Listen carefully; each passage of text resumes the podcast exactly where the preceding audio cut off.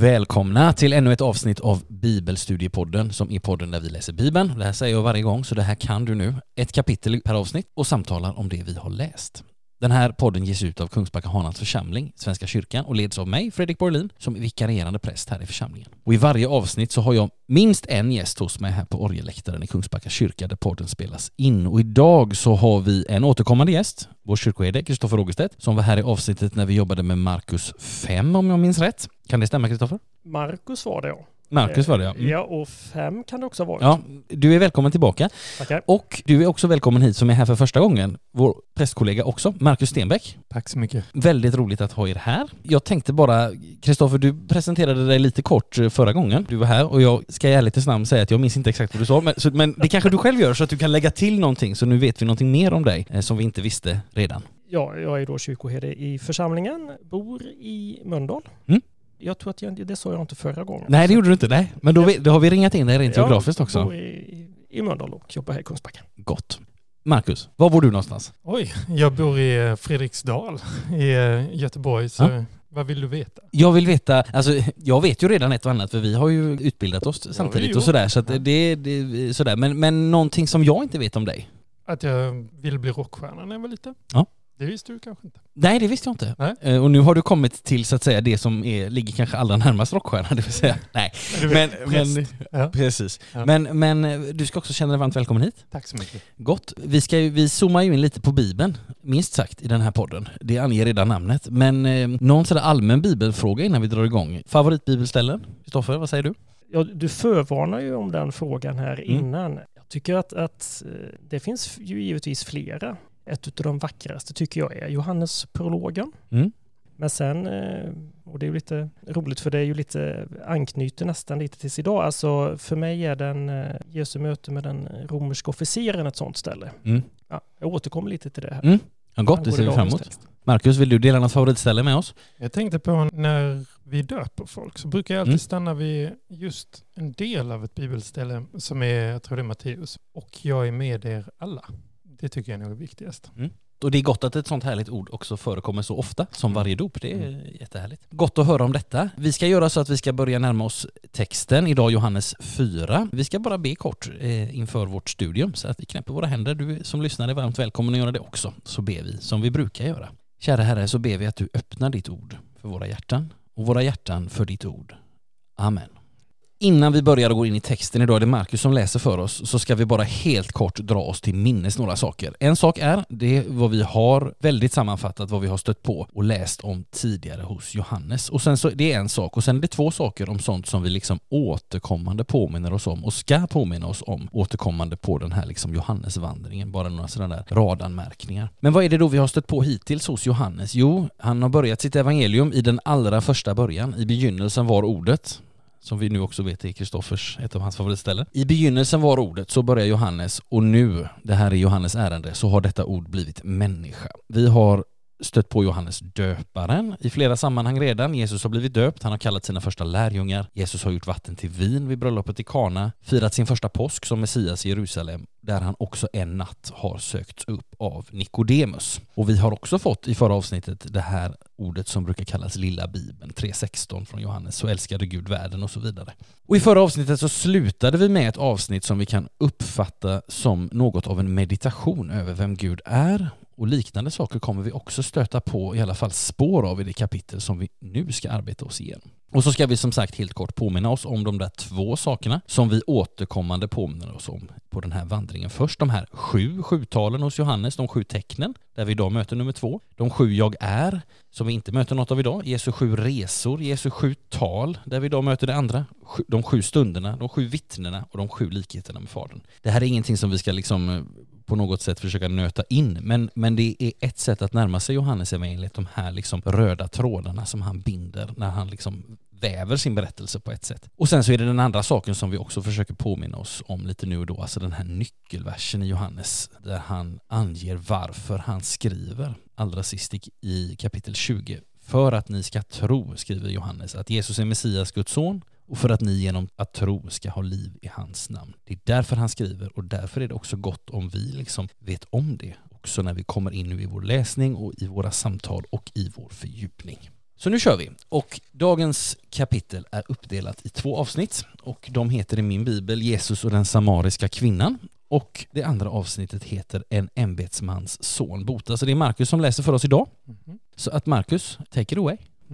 När Jesus förstod att fariseerna hade fått höra att han vann fler lärjungar än Johannes och döpte fler. Det var dock inte Jesus själv som döpte utan hans lärjungar. Så lämnade han Judeen och begav sig på nytt till Galileen.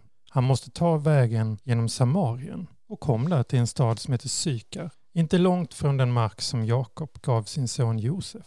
Där fanns Jakobs källa. Och Jesus som var trött efter vandringen satte sig ner vid källan. Det var mitt på dagen. En samarisk kvinna kom för att hämta vatten. Jesus sa till henne, ge mig något att dricka. Lärjungarna hade nämligen gått bort till staden för att köpa mat. Samariskan sa, hur kan du som är jude be mig om vatten? Jag är ju en samarisk kvinna. Judarna vill inte ha något med samarierna att göra. Jesus svarade henne, om du visste vad Gud har att ge och vem det är som säger till dig, ge mig något att dricka, då skulle du ha bett honom och han skulle ha gett dig levande vatten. Kvinnan sa, Herre, du har inget att hämta upp det med och brunnen är djup. Varifrån tar du då det levande vattnet? Skulle du vara större än vår fader Jakob som gav oss brunnen och själv drack ur den, liksom hans söner och hans boskap? Jesus svarade, den som dricker av det här vattnet blir törstig igen, men den som dricker av det vatten jag ger honom blir aldrig mer törstig. Det vatten jag ger blir en källa i honom med ett flöde som ger evigt liv.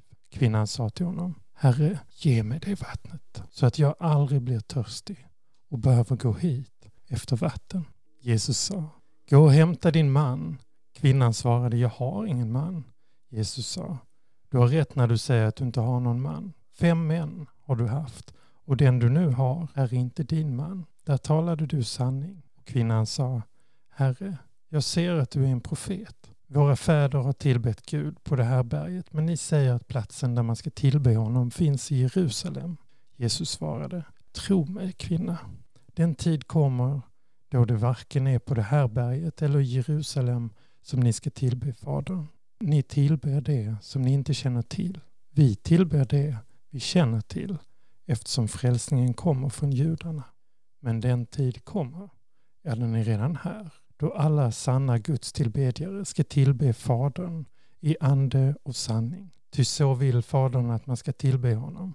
Gud är ande och det som tillber honom måste tillbe i ande och sanning. Kvinnan sa, jag vet att Messias kommer och när han kommer ska han låta oss veta allt. Jesus sa till honom, det är jag, den som talar till dig. I detsamma kom lärjungarna och de blev förvånade över att han talade med en kvinna men ingen frågade vad han ville henne eller varför han talade med henne. Kvinnan lät sin vattenkruka stå och gick bort till staden och sa till folket där. Kom, så får ni se en man som har sagt mig allt som jag har gjort. Kan han vara Messias? De gick ut ur staden för att söka upp honom. Under tiden sa lärjungarna till honom, Rabbi, kom och ät. Han svarade, jag har mat att äta som ni inte känner till. Och lärjungarna sa då till varandra, kan någon ha kommit med mat till honom? Jesus sa, min mat är att göra hans vilja som har sänt mig och att fullborda hans verk. Ni säger, fyra månader till så är det dags att skörda. Men jag säger er, lyft blicken och se hur fälten redan har vitnat till skörd. Den som skördar får sin lön. Han bärgar grödan till evigt liv så att den som sått och den som skördar kan glädja sig tillsammans. Här gäller ju ordet att en sår och en annan skördar. Jag har sänt er att skörda där ni inte har behövt arbeta. Andra har arbetat och ni får lönen för deras möda. Många samarier från den staden hade kommit till tro på honom genom kvinnans ord när hon försäkrade Han har sagt mig allt som jag har gjort. När samarierna kom till honom bad honom stanna hos dem och han stannade där två dagar. Många fler kom till tro genom hans egna ord och de sa till kvinnan Nu är det inte längre vad du har sagt som får oss att tro. Vi har själva hört honom och vet att han verkligen är världens frälsare. Tack så mycket Marcus. Innan vi går in på, det här måste ha varit det längsta sammanhängande avsnittet som vi har läst hittills tror jag. Men eh, vi, det är gott att få det ändå i sin helhet. Innan vi liksom går lite mer in på, på eh, era tankar och sådär så tänkte jag bara att vi ska ha några, alltså det är, det är speciellt detta för att det här utspelar sig i Samarien. Det kan vara gott att bara känna till någonting mer om det, för det är liksom, det finns ganska mycket där i som hjälper oss att förstå vad som händer i den här texten. Alltså Jesus behövde ta vägen genom Samarien, alltså den rakaste vägen mellan Judeen nere i söder och Galileen uppe i norr gick genom Samarien som idag ofta kallas för Västbanken. Men de flesta judarna de undvek kontakt med samarierna, vilket vi också hörde Markus läsa i 4 och 9. Och ofta tog man då en omväg genom Jordandalen på Samariens liksom östra sida. Men i texten idag så läser vi att Jesus måste ta vägen genom Samarien. Både Bibel 2000 och Folkbibeln 2015 översätter så och när vi tittar i den grekiska grundtexten så uttrycks precis det här på det liksom tydligaste standardsättet att det var en nödvändighet att Jesus han behövde färdas genom Samarien och frågan är varför behövde han det? Och så kommer han fram till Sykar som är en, en stad i Samarien som bara nämns här i hela Bibeln. Den identifieras med byn Askar nära dagens Nablus som ligger ungefär en kilometer norr om den här Jakobs brunn eller Jakobs källa som vi hörde i, i texten. Johannes evangeliet talar ju också om att det inte är långt från den mark som Jakob gav sin son Josef och det kan vi också läsa om i, i men i första Mosebok då. Inte långt härifrån så ligger den mer kända bibliska staden Shekem eller Sikem. Det är en av de platser där Abraham, patriarken i första Mosebok, först slår upp sitt läger när han kommer till Kanans land. Sonsonen Jakob likaså på väg hem från Mesopotamien. De båda patriarkerna bygger altaren där och staden nämns också återkommande liksom i Gamla Testamentet, i Josua och i Domarboken, i kungaböckerna, i krönikeböckerna. Alltså området som Jesus är i nu, trots att judarna vanligtvis inte vill vara där. Det är verkligen vad vi ska kunna säga är historisk biblisk mark på något sätt. Och sen är den här brunnen, och den är, den är kanske inte så jätteviktig för oss, men den finns idag fortfarande i staden Nablus. Den finns kvar. Och samarierna, det är intressant för Johannes förklarar ju att judarna inte vill ha någonting med samarierna att göra. Men varför det? Jo, för att de, som man menade, de var inte riktiga judar. De hade blandat upp sin tro med tro på andra gudar och därför så var de illa ansedda.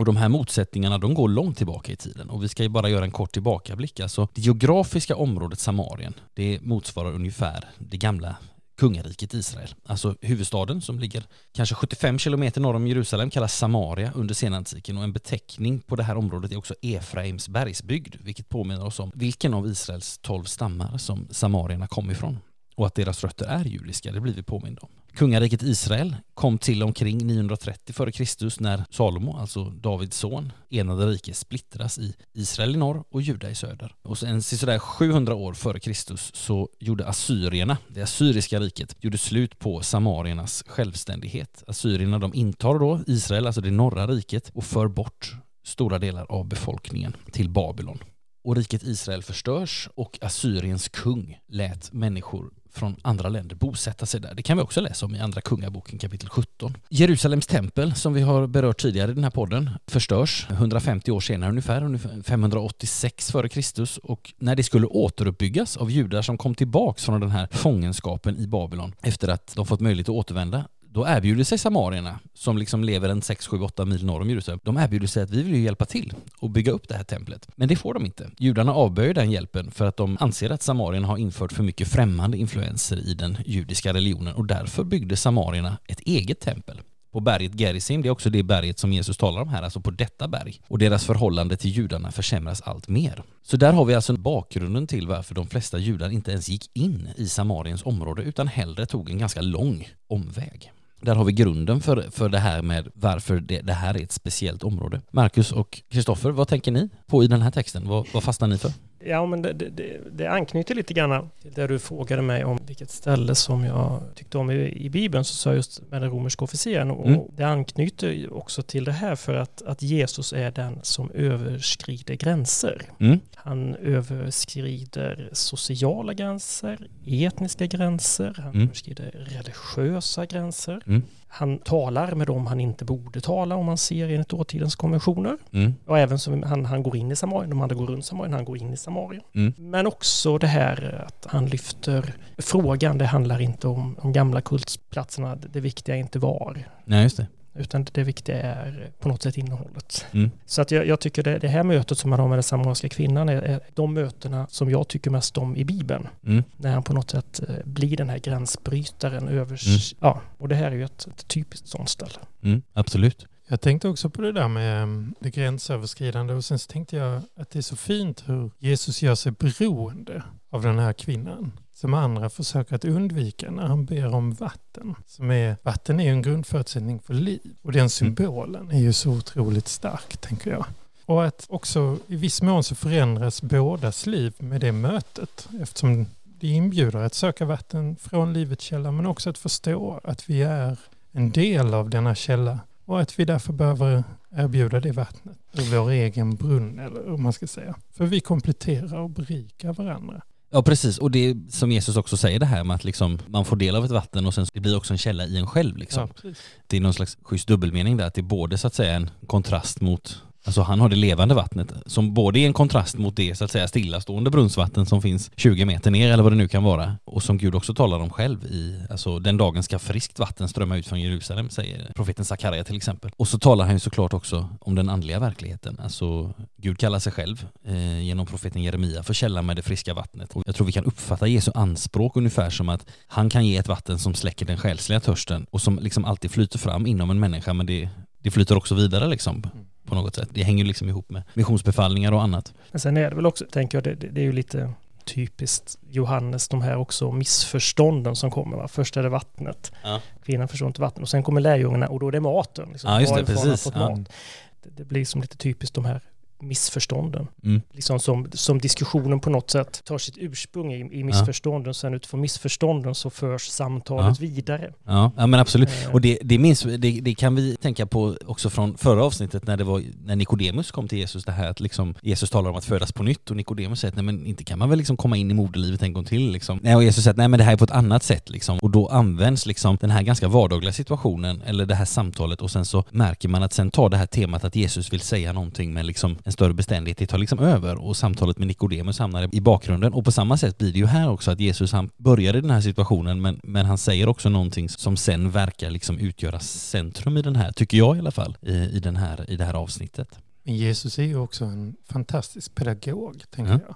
Alltså om man skulle vara i den stunden, bli tillfrågad om vatten och så håller, står det egentligen att, han, att hon hämtar upp vatten. Jag kommer inte ihåg faktiskt. Men om man för argumentets skull tänker att hon har hämtat vatten och håller det i sin hand. Och sen pratar han om att han har eh, vatten som, som alltid ska släcka ens törst. Då håller man ju i det. Det måste ju bli en fördjupad eh, upplevelse än bara ord. Han är en väldigt skicklig pedagog och han säger ofta inte det som man förväntar sig. Han, han hämtar ju någonting som kommer liksom från sidan lite och så blir Mm. det hela grejen. Det tycker jag är slående när man läser texterna. Och och det är också absolut Jesus som pedagog, men också det här att, att frågorna han möter är ju egentligen inte så konstiga frågor. Alltså som Nikodemus, Mm. men hur kan jag liksom som vuxen födas på nytt? Mm.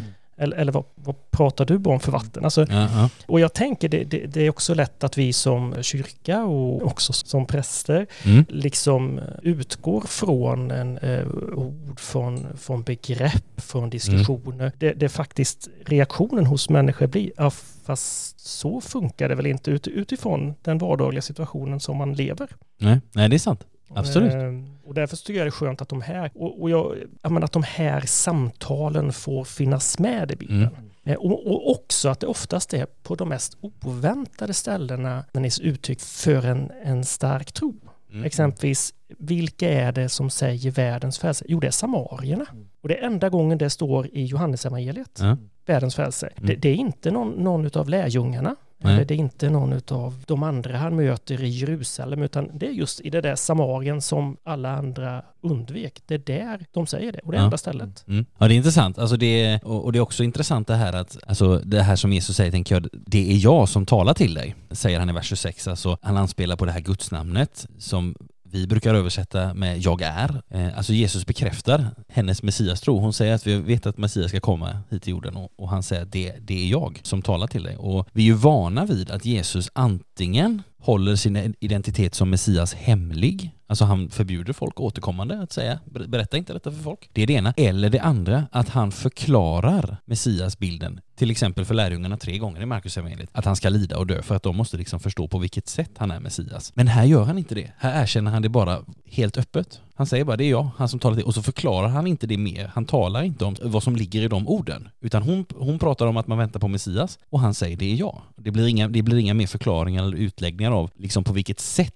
Jesus är Messias som vi varit inne på i, Markus avsnitt tidigare. Och varför är det så? Ett svar skulle kunna vara, alltså vi tänker på, vi har hört, vi hörde för en liten stund sedan, samariernas religion var väldigt lik, eller hade, liksom, hade samma ursprung som judendomen, och, och, eller kan man säga på ett sätt var en, en gren av judendomen. De offrade, som vi har hört, de hade en egen plats till detta eftersom de inte fick vara med i templet. Helig skrift för samarierna, det var de fem Moseböckerna, precis som i fallet med saddukeerna som vi har hört om tidigare. Och samarierna väntade precis som liksom judar i övrigt på Guds utlovade Messias. Men det finns de som menar att samarierna mer uppfattade den här Messias som skulle komma mer som en gudsman, en profet, en lärare snarare än någon stor kung som skulle liksom återupprätta Davids rike i militära termer. Och på det sättet så är ju faktiskt samarierna liksom deras förväntan låg ju egentligen närmare än, än många av de människor som Jesus mötte på andra ställen. Han var liksom tvungen att antingen förklara Messias-begreppet eller liksom tona ner eller säg inte detta eller berätta för det inte vidare och så vidare. Men då undrar jag egentligen, för är det, nu har inte jag läst grekiska, men jag har läst hebreiska. Ja.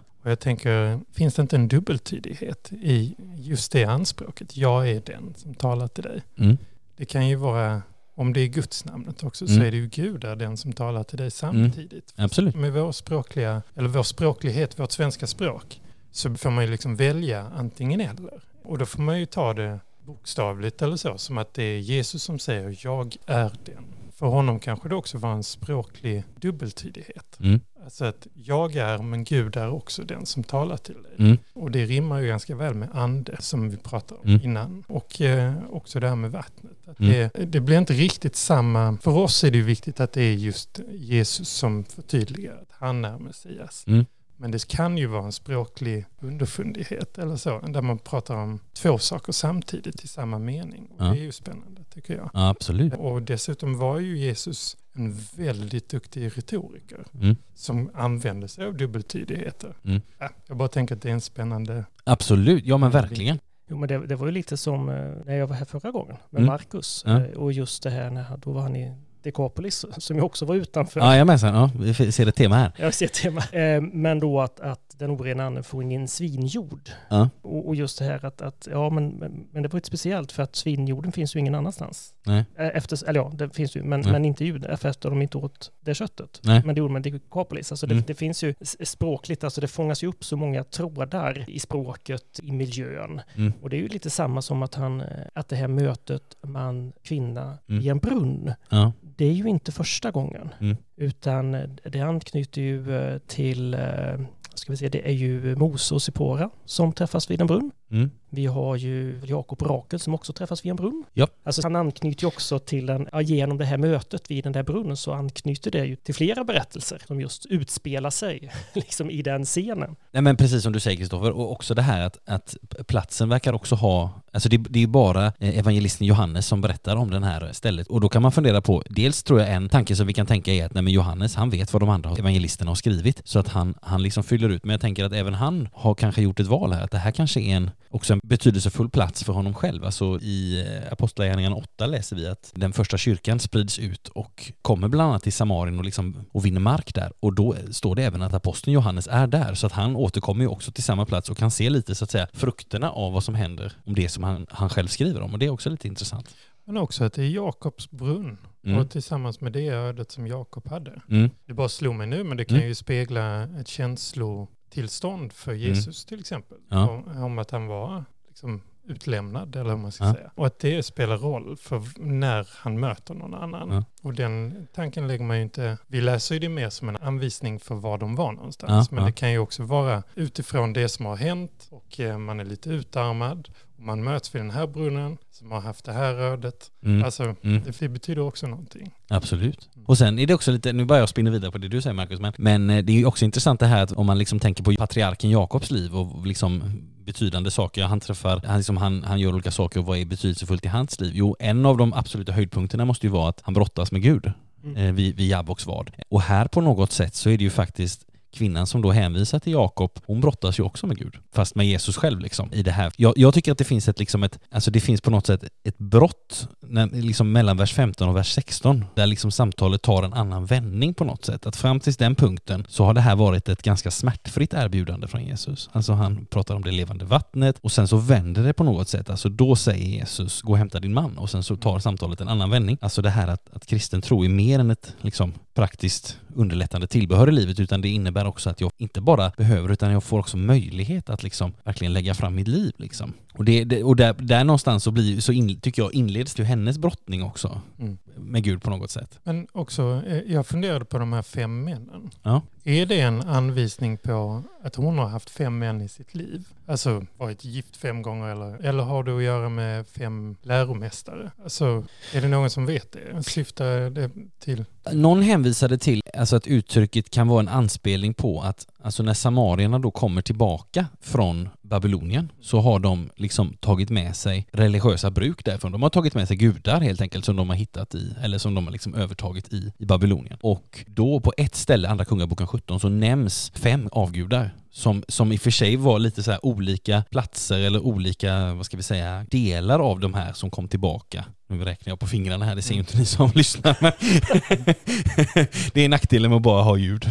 Det är inte så. Ja, men alltså att, att, det var liksom, de fick med sig fem avgudar och sen så fick de med sig en hel del annat också. Men, men de fick med sig fem avgudar och att det är det att det skulle kunna vara en anspelning också på, mm. på det. Men det förklarar ju däremot inte det här andra som, som Jesus säger. Så upplever inte jag det i alla fall. Det här att den du har nu är inte din man. Eller vad skulle det då betyda? Eller är det, har hon lämnat? Ja, nej, jag vet inte. Vad säger nej, nej, men, nej, men det är väl just det här som är så fantastiskt med, tycker jag framförallt, evangelierna. Mm. Det är att du kan liksom tänka att du, du skrapar på ytan. Men sen är det liksom som i romanska bågar, valv bakom valv. Mm. Alltså det öppnar sig liksom det mm. här att eh, det är mycket möjligt att, att, att det hänvisar till att kvinnan haft fem män. Mm. Men som du sa, samtidigt finns det här att de fick med sig fem från fångenskapen i Babylonien. Ja. Eller som du var inne, är det fem andra att, att, att det sällan är så enkelt som att säga att så är det. Mm. Det är det som är, tycker jag, så fantastiskt med, både givetvis med Jesus möten liksom, i olika sammanhang, men, men också samtalen. Mm. För det finns så många ingångar. Mm. Alla ingångarna berikar ju. De, de förtar ju ingenting. Alltså, idag är det ju egentligen en omöjlighet. Vi kan inte säga hur det var. Men det skulle ju bara göra saken mindre. Om man istället ser att det kan vara okej, okay, för vissa är det viktigt att hon kanske hade fem män och han visste om det och då blir det som nästan ett mirakel om de inte har setts innan. Men att också känna till, att Jesus känner till den traditionen, det är ju respektfullt. Mm. Alltså det visar ju på att han förstår hennes eh, situation också. Ja. Och det kan vara båda grejerna samtidigt. Alltså det, ingenting av det blir ju mindre av mm. att det finns dubbeltydigheter. Det tycker jag är fantastiskt med evangelierna. Att det är just, mm. man, man kan leta och leta och leta och aldrig blir det mindre. Liksom. Nej, och det är inte alltid så att säga, tolkningar man heller måste ställas mot varandra. Att antingen så, utan det, det är snarare så att de, de, de liksom blir som olika, ja men lite valv bakom valv eller det här att, nej men de här, det här, det här är liksom olika djup och olika djup kan liksom där kan olika fiskar leva, eller nej men alltså ni förstår vad jag menar, att de, de kan komplettera varandra också. Nej, och, och jag, jag tror att du ställde någon fråga till mig förra gången vi träffades i det här sammanhanget, eh, Fredrik, att, att liksom, hur läser man Bibeln och sånt där, så att just mm. att, man, att man läser tillsammans på frågar. Ja. För helt plötsligt sitter man i ett bibelsamtal och helt plötsligt så är det en annan människa som pratar utifrån texten, utifrån vad som är viktigt för dem. Ja. Och helt plötsligt så kommer texten i ett nytt ljus. Ja. Som man, liksom, trots att man har ägnat så mycket tid åt texten, inte har sett. Nej. Jag läste en bibelkommentar här eh, mm. inför det här samtalet och, och, då var den här som skrev bibelkommentaren sa att världens frälsare användes faktiskt vid den här tiden. Mm. Fast när det användes i, i det romerska riket ja. så var det hänvisning till kejsaren. Okay. Och då lägger ju istället Jesus, tar ju så att säga an sig den den platsen. Just det. Liksom, det här mm. handlar mm. inte om var, utan det är liksom något annat. Mm. Och jag hade aldrig, det hade varit sådär, man aldrig tänkt på om inte den här då bibelforskaren och bibelkommentaren hade just lyft fram det. Liksom. Nej, just det. Och det är ju intressant, för det temat återkommer ju faktiskt, ska vi inte bara ägna det här åt att prata om ett annat avsnitt, men, men jag vet som du sa, för det minns jag från när du var här förra gången Kristoffer, det här med liksom de här svinen, vad det betyder och det har med, också med en legion att göra, så det har med den romerska ockupationsmakten att göra. Och att det finns liksom, där går Jesus också lite grann i, på ett sätt i närkamp. Så kan vi på ett ett sätt förstå den texten, men så kan vi också, om han då så att säga övertar en kejserlig titel här, eller liksom gör anspråk på den, så är det ju lite samma tematik på ett sätt. Att det är en, så att säga, en vinkning till Rom helt enkelt, eller till, till världs... Alltså, Men till, legio betyder väl också vi, alltså, vi är många. Det tänker jag är en sån, ja, okej nu, nu förstår jag att det inte är den texten vi pratar om. Den har alltid varit viktig för mig, den Mm. texten, och utifrån en annan aspekt från vad ni talade om. Mm. Och det var för att jag alltid tänkt på det som att den här mannen som säger, säger han, jag är legio.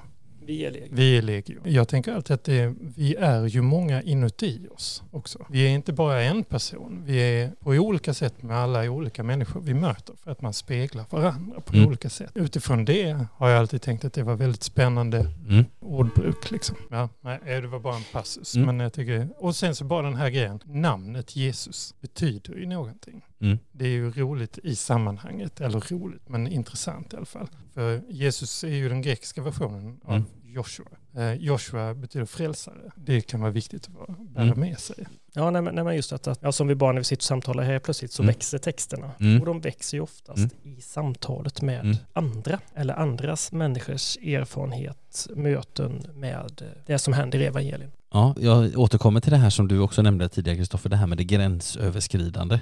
Att, att liksom Jesus går över en så tydlig gräns här, alltså på, på egentligen på många sätt. Alltså han är i Samariernas land. Vid sidan om det som vi redan har hört om Samarierna så kan vi också lägga till att det här templet som, som Samarierna byggde för att de inte fick vara med och bygga på, på Jerusalems tempel, och det kan vi för övrigt läsa om i, i Esra bok från kapitel 4. Alltså de byggde sitt eget tempel och det förstörde ju judarna sen.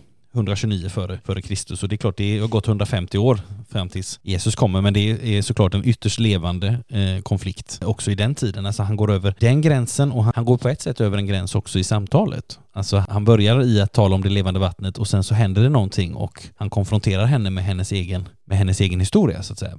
Även om vi inte exakt vet vad det här syftar till eller det kanske syftar på flera saker rent av så går han också över, över liksom en, en gräns som vi sällan går över i våra vardagliga samtal. För det är klart, och det är ju gott också för vi har inte den kunskapen om människor som, som Jesus har. Så det kanske är, det är väl också gott att vi, inte, att vi inte gör det så att säga. Det står att lärjungarna förvånar sig över att han talade med en kvinna, så det gjorde inte rabbiner på den här tiden. Den kvinna de talade med var sin egen fru och ingen annan. Och det, det gör Jesus och det kommer Jesus att göra igen i Johannes, både i kapitel 11 och i 12 och sådär. Så att han han går över flera gränser, men det blir ändå, men det blir också någonting särskilt fruktbart. Alltså vi läser sen i, mot slutet av den här historien, eller mot slutet av det här avsnittet om att det också händer saker i staden och det är kvinnan som är en katalysator för detta. Alltså hon, hon delar det hon har varit med om och det är egentligen det som är så intressant att vi vet många tillfällen i evangelierna när, när människor liksom berättar vidare, ibland trots att de har blivit förbjudna, vad de har varit med om och sådär. Men det intressanta här är ju att kvinnan blir ju inte helad, som alla andra nästan som pratar eh, och sprider ordet blir. De har blivit, kanske fått sin syn tillbaka, eller de har, blivit, liksom, de har varit lama men nu kan de gå eller sådär. Men det har inte kvinnan varit med om. Utan, Eller,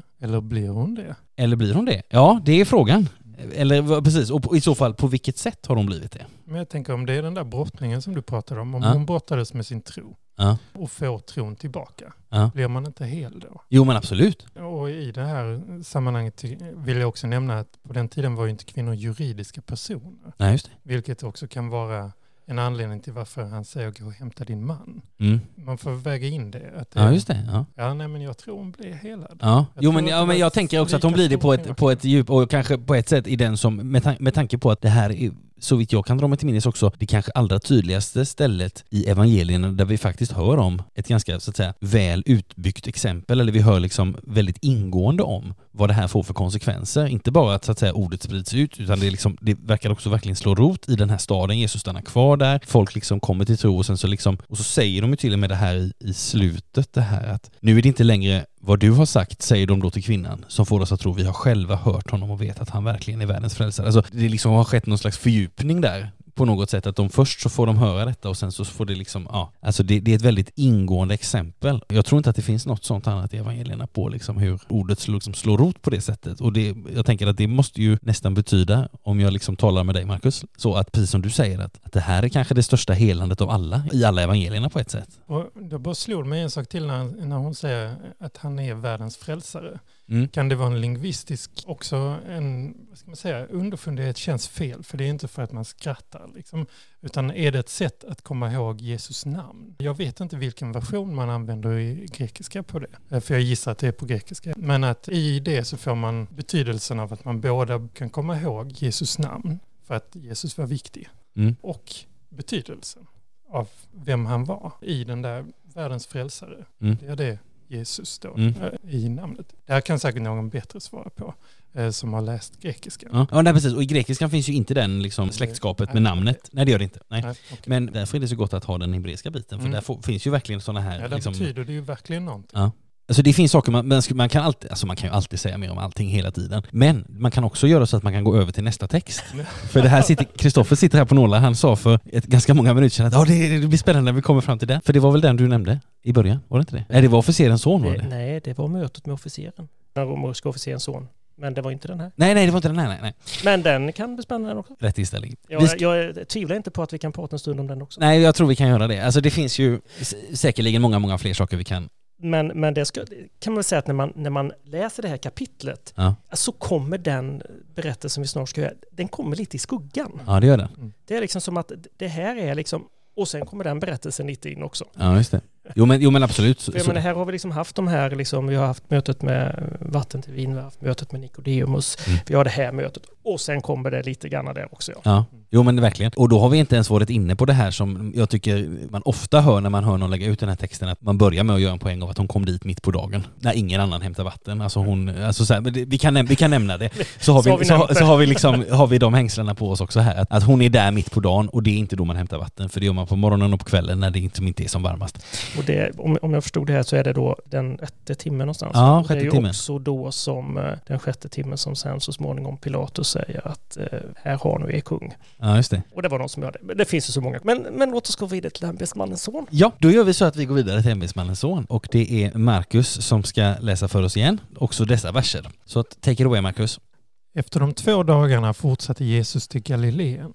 Han hade själv vittnat om att en profet inte har något anseende i sin hemtrakt. När han nu kom till Galileen blev han väl mottagen eftersom galileerna hade sett allt han hade gjort i Jerusalem under högtiden. De hade också firat högtiden där. Han kom alltså tillbaka till Kana i Galileen där han hade gjort vattnet till vin. En man i kunglig tjänst hade en son som låg sjuk i Kafarnaum. När han fick höra att Jesus hade lämnat Judeen och var i Galileen sökte han upp honom och bad honom komma ner till Kafarnaum och bota hans son som låg för döden. Jesus sa till honom, om ni inte får se tecken och under så tror ni inte. Ämbetsmannen sa, Herre kom innan mitt barn dör.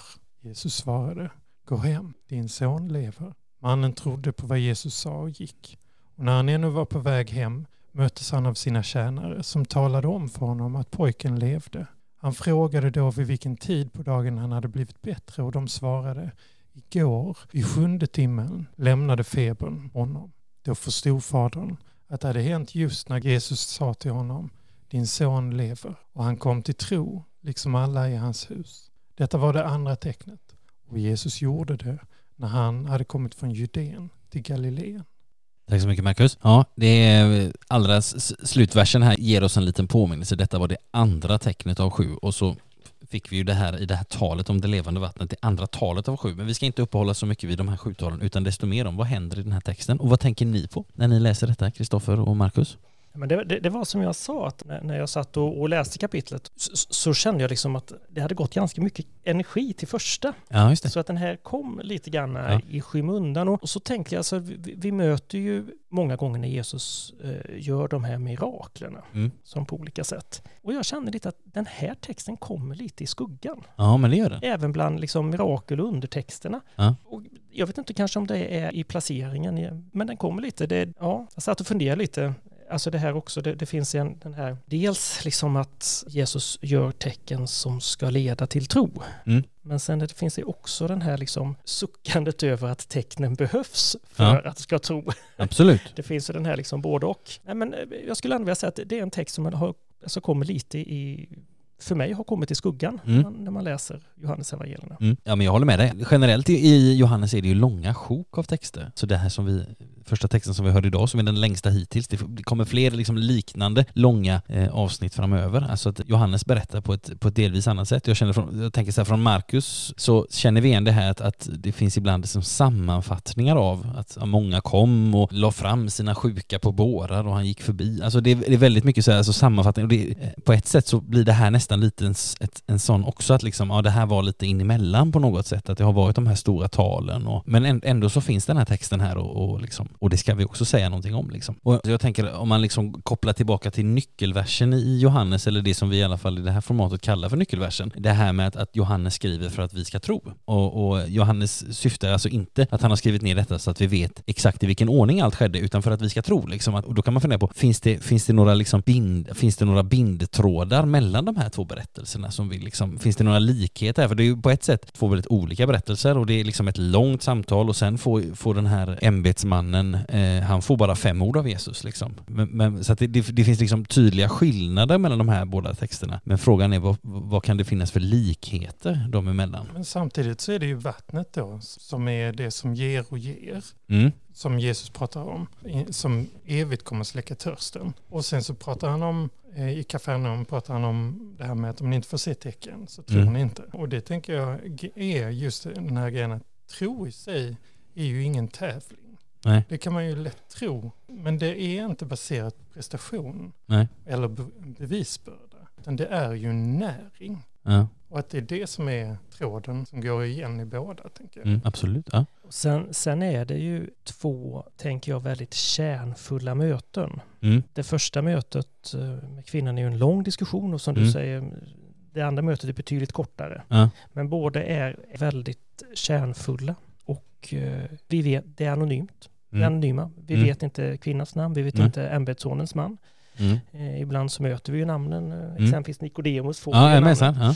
Men, men det, det, det är två väldigt kärnfulla möten. Mm. Eh, och båda de här mötena, människornas möte med, med Jesus, får ju stora konsekvenser i, i livet. Mm. I det ena så, så möter kvinnan någon, någon form av upprättelse, Mm. helande. Hennes liv har blivit blottlagt och, och Mm. på något sätt så. Eh, och, och det här som du var inne på får eh, konsekvenser i, liksom i, i, i byn och vidare. Mm. Men i den andra så får det också det. ja, just det. För det är ett annat helande. Ja. Det kommer liksom ämbetsmannens son. Mm. Det är ju två möten med. Jesus eh, från Mm. två anonyma personer. Mm. Eh, vi vet inte deras namn, till Mm. skillnad från Nikodemus då. Ja. Men, men det är möten som på olika sätt blir helande. Kvinnan som får sitt liv på något sätt blottlagt och upprättat. Och det får konsekvenser i hennes by, i Mm. området som sen leder fram till den här bekännelsen du är Mm. världens frälsare. Mm. Och gör det andra anonyma mötet med där ämbetsmannens son Mm.